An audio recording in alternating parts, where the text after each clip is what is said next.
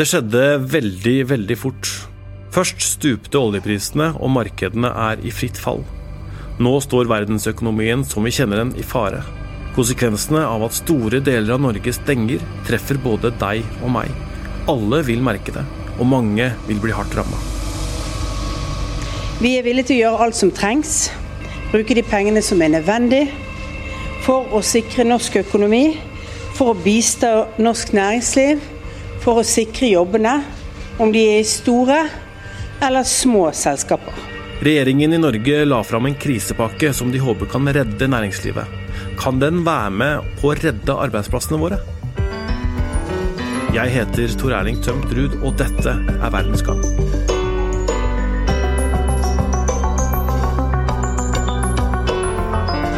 Det er helt nødvendig. Tiltakene vi nå gjør for å stagge spredningen av koronaviruset. De mest dramatiske tiltakene Norge har opplevd i fredstid. For næringslivet er det også dramatisk. Folk bruker ikke lenger penger på samme måte. Samtidig har butikker, utesteder og kafeer regninger de må betale. Lønninger som skal utbetales. Underskuddet blir større og større for hver dag.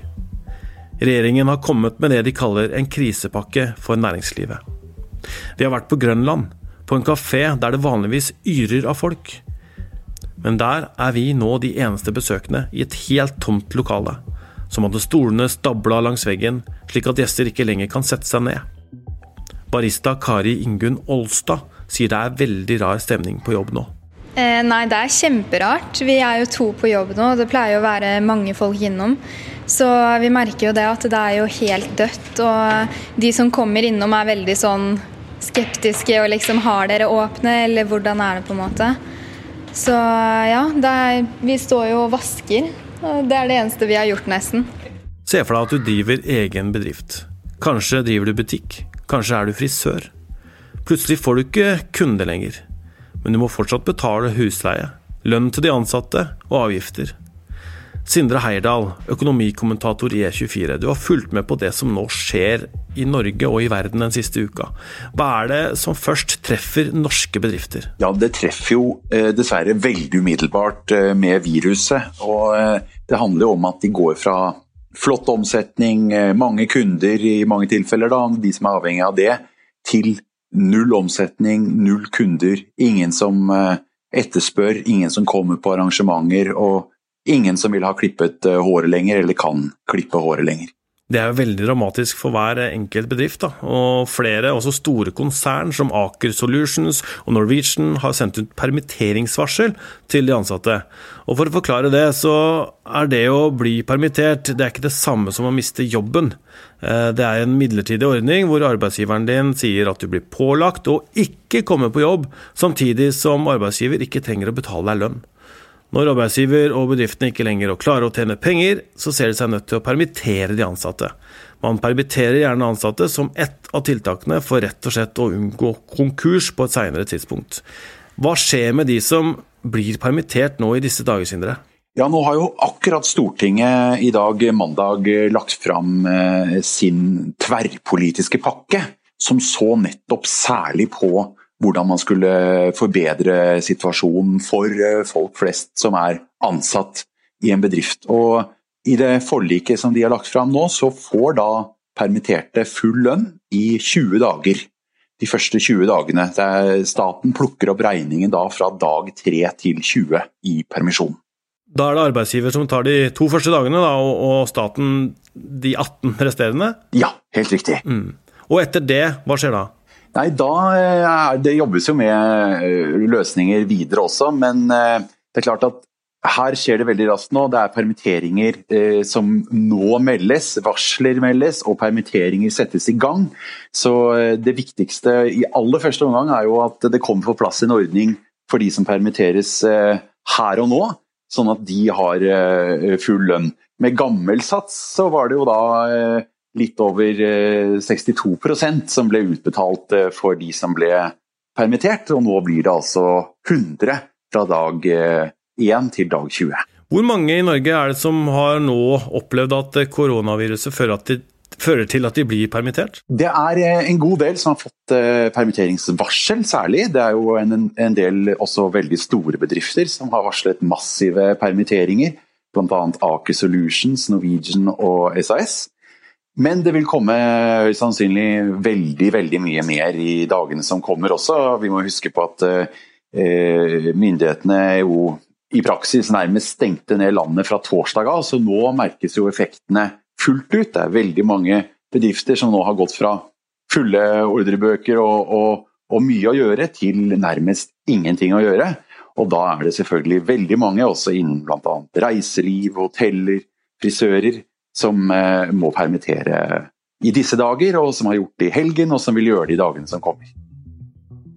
Koronapandemien eh, og de økonomiske konsekvensene preger alt i Norge. Sånn er det også for store deler av resten av verden. Det er ikke bare i Norge mennesker må holde seg hjemme fra jobb, grensene stenges og handel faller. Det er på en måte en dobbeltkrise for oss. For eh, på den ene siden faller tilbudet fordi verden ikke klarer å produsere varer. På den andre siden faller også etterspørselen fordi folk eh, holder seg hjemme. I kjølvannet av den internasjonale koronakrisen så står vi nå overfor en stor global økonomisk krise. Uh, breaking news coming into the Situation Room from the Federal Reserve right now. We're learning that interest rates are about to be slashed to zero. Vi ser at eh, sentralbanker over hele verden kutter rentene. Den amerikanske sentralbanken har kutta renta med 1,50 prosentpoeng de siste to ukene. I USA er renta nå tilnærma 0 Norges Bank har også satt ned renta her til lands. Det de store sentralbankene driver med, er å styre det vi kaller pengepolitikken. Målet med pengepolitikken er at den skal sørge for lav og stabil inflasjon, og bidra til høy og stabil produksjon og sysselsetting. Sagt litt enklere når AS Norge tjener masse penger, setter Norges Bank renta opp. Når økonomien er på vei inn i nedgangskonjunktur, som vi gjør nå, settes den ned. Med lavere rente bruker folk mer penger, det er billigere for lån, og det er lettere for industrien å holde produksjonen oppe. Sindre, er det riktig det vi ser sentralbanker over hele verden gjøre nå? Ja, eh, jeg vil eh, for å si det enkelt si at det er riktig. Det er et veldig uperfekt våpen. Men eh, la oss huske at det å, å, å, pumpe inn penger i markedet og kutte renta, det er jo kjernene det er jo så det skal bli lettere å få tilgang på penger og lettere og billigere å låne. Og i normale tider da, så blir både folk og bedrifter mer villige til å investere penger, til å shoppe og til å gå i butikken eller til frisøren. Så Sånn sett så får det flere hjul i økonomien i gang, og folk vil bruke mer penger. Og så er det jo det at viruset stopper jo opp veldig mye. Det er veldig mange steder vi ikke kan gå nå. Stort sett så er vi hjemme eller går en tur i skogen. Og da er det jo veldig begrenset hvor, hvor stor effekt rentekuttet får her og nå. Men eh, det er iallfall noe. Det er i hvert fall noe på vei. Og det vil bedre økonomien eh, markant når viruset er på defensiven, når viruset Eh, preger livet vårt i mindre grad, og vi igjen kan bevege oss mer ut. Og Det gjelder jo også for bedriftene. Når flere eh, bestiller varer, når flere kommer på besøk, så vil lave renter bidra. Og nå er det sånn at alle monner drar. Fra myndighetene, finanspolitiske tiltak, altså å sprøyte inn penger, men også sentralbankene ønsker å bidra med det de kan, og da er renta særlig et våpen de har. Og Hva betyr det for de småbedriftene som eh, sliter nå, f.eks. For, for frisører? Ja, Det blir jo billigere å håndtere det lånet de allerede har. da. Så Det betyr litt allerede mm, med en gang det kommer i effekt. Men det skaffer jo ingen nye inntekter. Og eh, det er fortsatt et lån der. Eh, så mer må til, og det er bare en start. Og likviditet er altså det aller viktigste vi kan bidra med. Men det er fortsatt sånn at vi ikke er ser for oss at dette er slutten på tiltak. Også fremover vil vi bli nødt til å ha flere og bredere tiltak, både for å opprettholde aktivitet i økonomien, og kunne også stille opp med tiltak etter hvert som vi ser enden av tunnelen, for å sørge for at eh, vi får aktivitet som bidrar til at norsk økonomi kommer seg raskt tilbake. Ja, regjeringen har oppretta altså et krisefond eh, på minst 100 milliarder kroner som skal være med på å redde de norske bedriftene. Noe er retta mot små og mellomstore bedrifter, noe mot de største bedriftene. Det betyr at regjeringen nå gjør det lettere for banker å låne ut penger til bedrifter som mister store deler av inntektene sine. Mange bedrifter har også vært redd for at de ikke skal ha nok likviditet, altså ikke nok penger i kassa til å betale løpende kostnader. Og det er det vi, regjeringen gjør noe med, da. 100 milliarder. Det er store summer og vanskelig for oss vanlige folk å forholde seg til. Eh, men Sindre, du som kan det, er det nok? Nei, det er det nok ikke. Og eh, vi har jo nå en krise ulik enhver en annen krise i uh, mannens minne. Eh, og den krisen vil åpenbart bli enda mye, mye større enn den er nå. For mange er det nesten svarte natta. Bedrifter eh, vil gå over ende hvis de ikke får mye hjelp. Også da bedrifter som var veldig levedyktige før dette viruset satte inn. Eh, det handler da bl.a. om at de må ha egenkapital, og aller helst egentlig tilgjengelige kontanter, om du vil. Eh, og Derfor så kan det gå fort nedover nå, og da kan fort disse 100 milliardene bli altfor lite til å dekke opp både for små og mellomstore bedrifter, og for de største. Eh, men da er det jo viktig å føye til at eh, når regjeringen varslet dette i går, så understreket de selv også at eh, dette er bare en start, det kan bli mer. Og det er det jo alle solemerker nødvendig også. Vi ser bl.a. hvordan svenskene og tyskerne allerede har lansert kriselånspakker, litt annerledes enn våre, men likevel, som er av langt større beløp. Så dette er bare begynnelsen. Vil det være spesielle krav til de bedriftene som kan få hjelp av denne pakken? Ja, det vil det være. De har ikke konkretisert ennå akkurat hvordan det vil eh, se ut. og Det vil bl.a. når det gjelder pakken for de små og mellomstore, være litt avhengig av hva slags dialog regjeringen har med bankene, som skal eh, også stå for kredittgivningen her. Eh, så, så, en del gjenstår, men det er vel naturlig å tro da, at man særlig vil prøve å finne ut eh, var dette en bedrift som var veldig levedyktig før koronakrisen, som gikk godt, som tjente penger og, og hvor det mest sto godt til, eh, og som må ha hjelp for å bare komme seg over krisa, og dermed er de igjen eh, en god levedyktig bedrift? Eller var det en bedrift som hadde f.eks. så voldsomt mye gjeld at de allerede var på vei utfor stupet? Det er i hvert fall grunn til å tro at staten vil være litt eh, mindre villig til å, til å, spytte inn penger da. Det er en ganske hard prioritering da, fra statens side? Det er en veldig hard prioritering, og de må gjøre beintøffe prioriteringer framover i tid nå. Og hvem skal man redde, hvem skal man la gå dunken? Eh, bilforhandleren som sliter med å selge, frisøren som sliter, den store oljeservicebedriften som også får eh, oljeprissmellen. Det er en beintøff prioritering framover.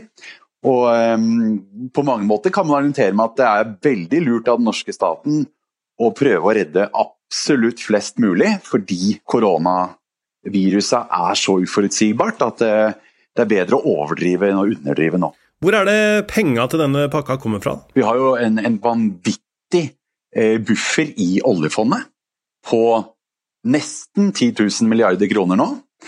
Og eh, sånn sett så er det på en måte egentlig ubegrenset hva staten kan bruke. Oljefondet er jo også ment å være der for krisetider.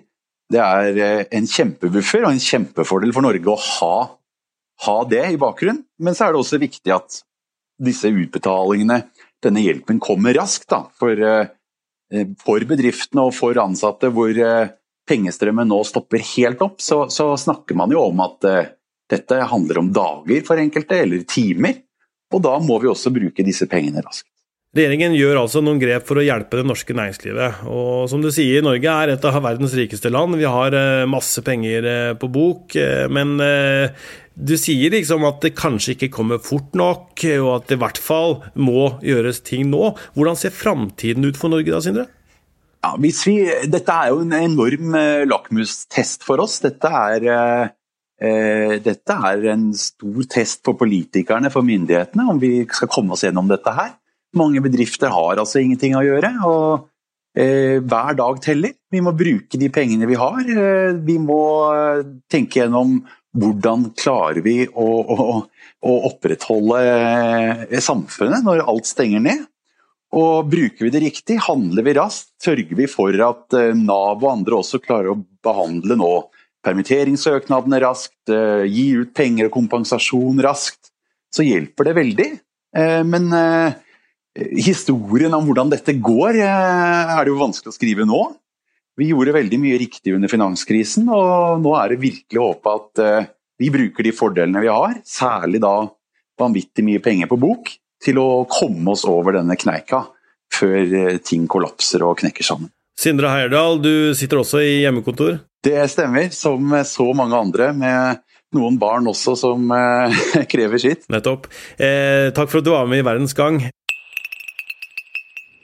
Nå er det mye snakk om at det rammer bedrifter økonomisk. Hvordan merker du at det påvirker kassaapparatet hos dere? Nei, det er jo veldig mange færre folk, da. Så vi merker jo det, at det er jo helt annerledes. Mm. Er det penger i kassa? det, er, eh, det er noen som er innom, men eh, det er få, altså. Det er det. Eh, Nå er det jo veldig mye snakk om eh, permitteringer og sånn i store selskap. I går fikk vi vite om SAS. og eh, Er det noe du sjøl bekymrer deg over eh, nå om dagene? Eh, jeg tenker jo på at det kan hende at vi må stenge om ikke så lenge. Så det blir jo litt sånn gå rundt og vente på en eventuell beskjed. Og vi har jo ikke fått satt opp vaktene for april enda, så vi vet jo på en måte ikke hva som skjer, vi heller. Hvordan kjennes det ut, egentlig? Nei, det blir jo nesten sånn at du må på en måte bare leve i nuet, da. Og ta en dag av gangen og se hva som skjer. Vi som lager eh, podkasten heter Emilie Hall Torp, Nora Torp Bjørnstad, Kristine Hellesland og jeg heter Tor Erling Tømtrud. Teknisk produsent er Magne Antonsen. Vi høres.